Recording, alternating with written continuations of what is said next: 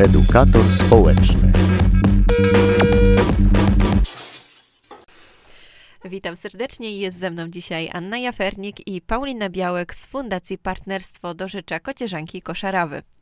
Dowiedziałam się, że jest coś takiego jak ekoasy, ale chyba nie za bardzo wiem o co chodzi. Dziewczyny, wyjaśnijcie. Tak, ponieważ to jest właściwie premiera, debiut e, tego programu na Żywierczyźnie, ale programu e, niby nowy, ale skupiający te wszystkie działania, które się toczyły młodzieżą e, w, naszy, w naszej dotychczasowej takiej zawodowej karierze.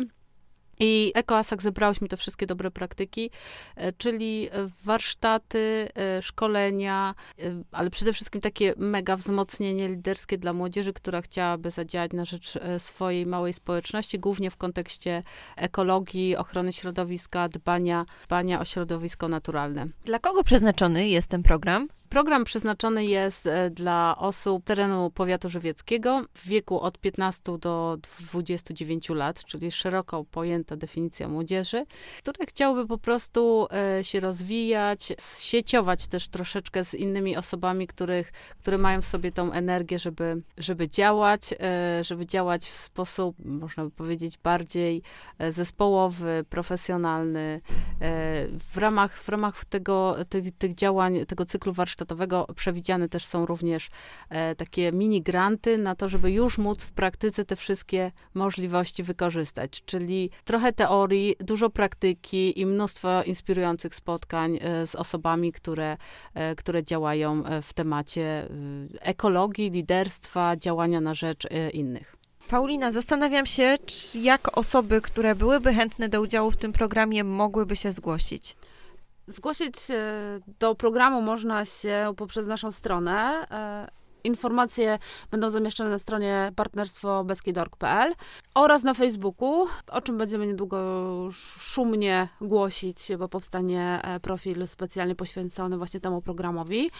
Rekrutacja jest dwuetapowa. Pierwsze zgłoszenia e, przesyła się w formie formularza, e, gdzie opisuje się swoje dotychczasowe gdzieś tam doświadczenie działalności społecznej, trochę pragnienia, swoją motywację do tego, żeby wziąć udział w naszym programie i też skąd dowiedzieć dowiedzieli się o naszym programie, to doświadczenie nie jest rzeczą najistotniejszą. Bardziej zależy nam na tych chęciach e, do tego, ale też skierujemy to do osób, które pragną gdzieś tam jednak zadziałać w kwestiach ekologii, bo e, jak wiemy, Żywiecczyzna jest jednak terenem, który ma z tym problemy i są to problemy szeroko rozumiane i mówimy tutaj o czystości powietrza, ale też e, no, ma znaczenie akcja Czyste Beskidy, która powoduje to, że dzięki niej w górach mamy czyściej, więc widzimy, że pomimo, że te akcje są realizowane z roku na rok ten problem nadal istnieje, więc tutaj też jakby w tą nutkę uderzamy przy rekrutacji, aby osoby, które chcą się zgłosić, może gdzieś tam miały to zacięcie ekologiczne, albo może czują, że mogłyby je złapać właśnie dzięki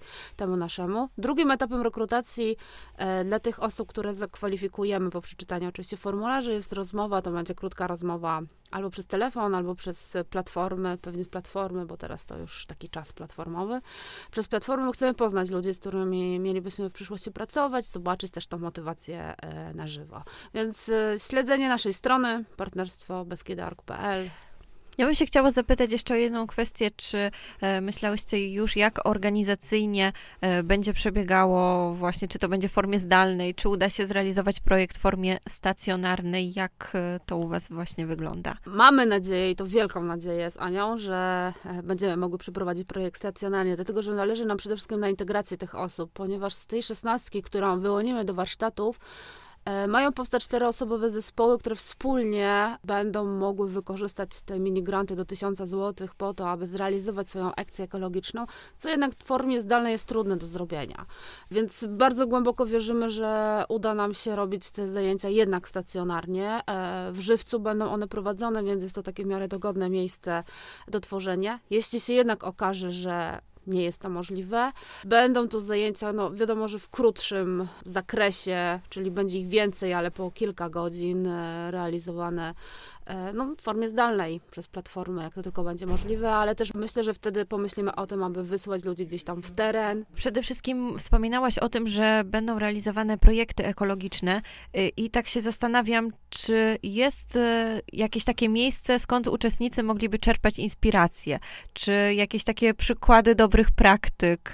Czy myślę, że tego e, obecnie jest e, multum, właściwie e, całe jakby takie poruszenie w środowisku młodych, jeszcze w wcześniej e, przygotowując się do tego projektu i jakby wybierając jakby dziedzinę, w której już mogliby e, swoje umiejętności liderskie szlifować, to ekologia pojawiła się nie bez przyczyny, tylko dlatego, że młodzież jakby wskazywała to jako obszar, na który jest naprawdę wrażliwa, że to, to ich gdzieś dotyka, wiedzą jak bardzo to jest powiązane z jakby z warunkami, w którym przyjdzie im żyć, funkcjonować, e, zakładać rodziny, że to jest bardzo, bardzo bardzo tu i teraz e, ważne działanie.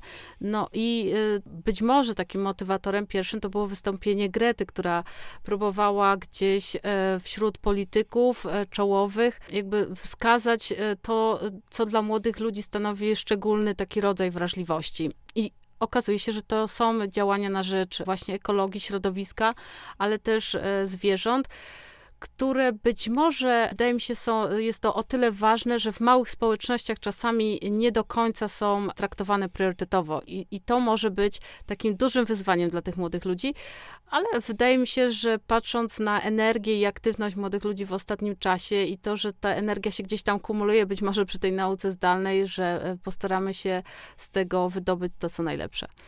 No i też wydaje mi się, że mieszkamy w tak charakterystycznym miejscu. Beskid Żywiecki bez wątpienia jest tutaj taką kolebką i można czerpać wiele inspiracji, żeby właśnie to miejsce, gdzie mieszkamy, było e, coraz to piękniejsze i przede wszystkim, żeby było czysto, tak jak podkreśliłyście.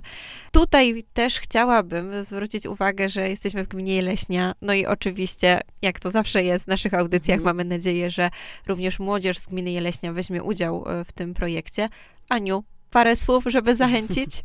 Czy myślę, że gminę Jeleśnia znamy e, z tego, że tu jest naprawdę e, ogromny potencjał turystyczny, widokowy i, i, i, warto tu po prostu być i czasami nam się wydaje, że taką kropką nad i to jest właśnie ta dbałość o, o powietrze, o wody, o szlaki i i, że może warto się przyczynić, być częścią tego procesu, e, który, w którym to się zmienia, e, zmienia na pozytywnie i że, i że właśnie można być, być w tej grupie, która tą, tą jeleśnie uczyni piękniejszą, czystszą i bardziej dostępną. Bardzo dziękuję. Była ze mną Ania Jafernik i Paulina Białek z Fundacji Partnerstwo do Rzecza Kocierzanki i Koszarawy. No a my jako Radio Widok serdecznie zapraszamy do wzięcia udziału w tym projekcie. Dziękuję bardzo. Edukator społeczny.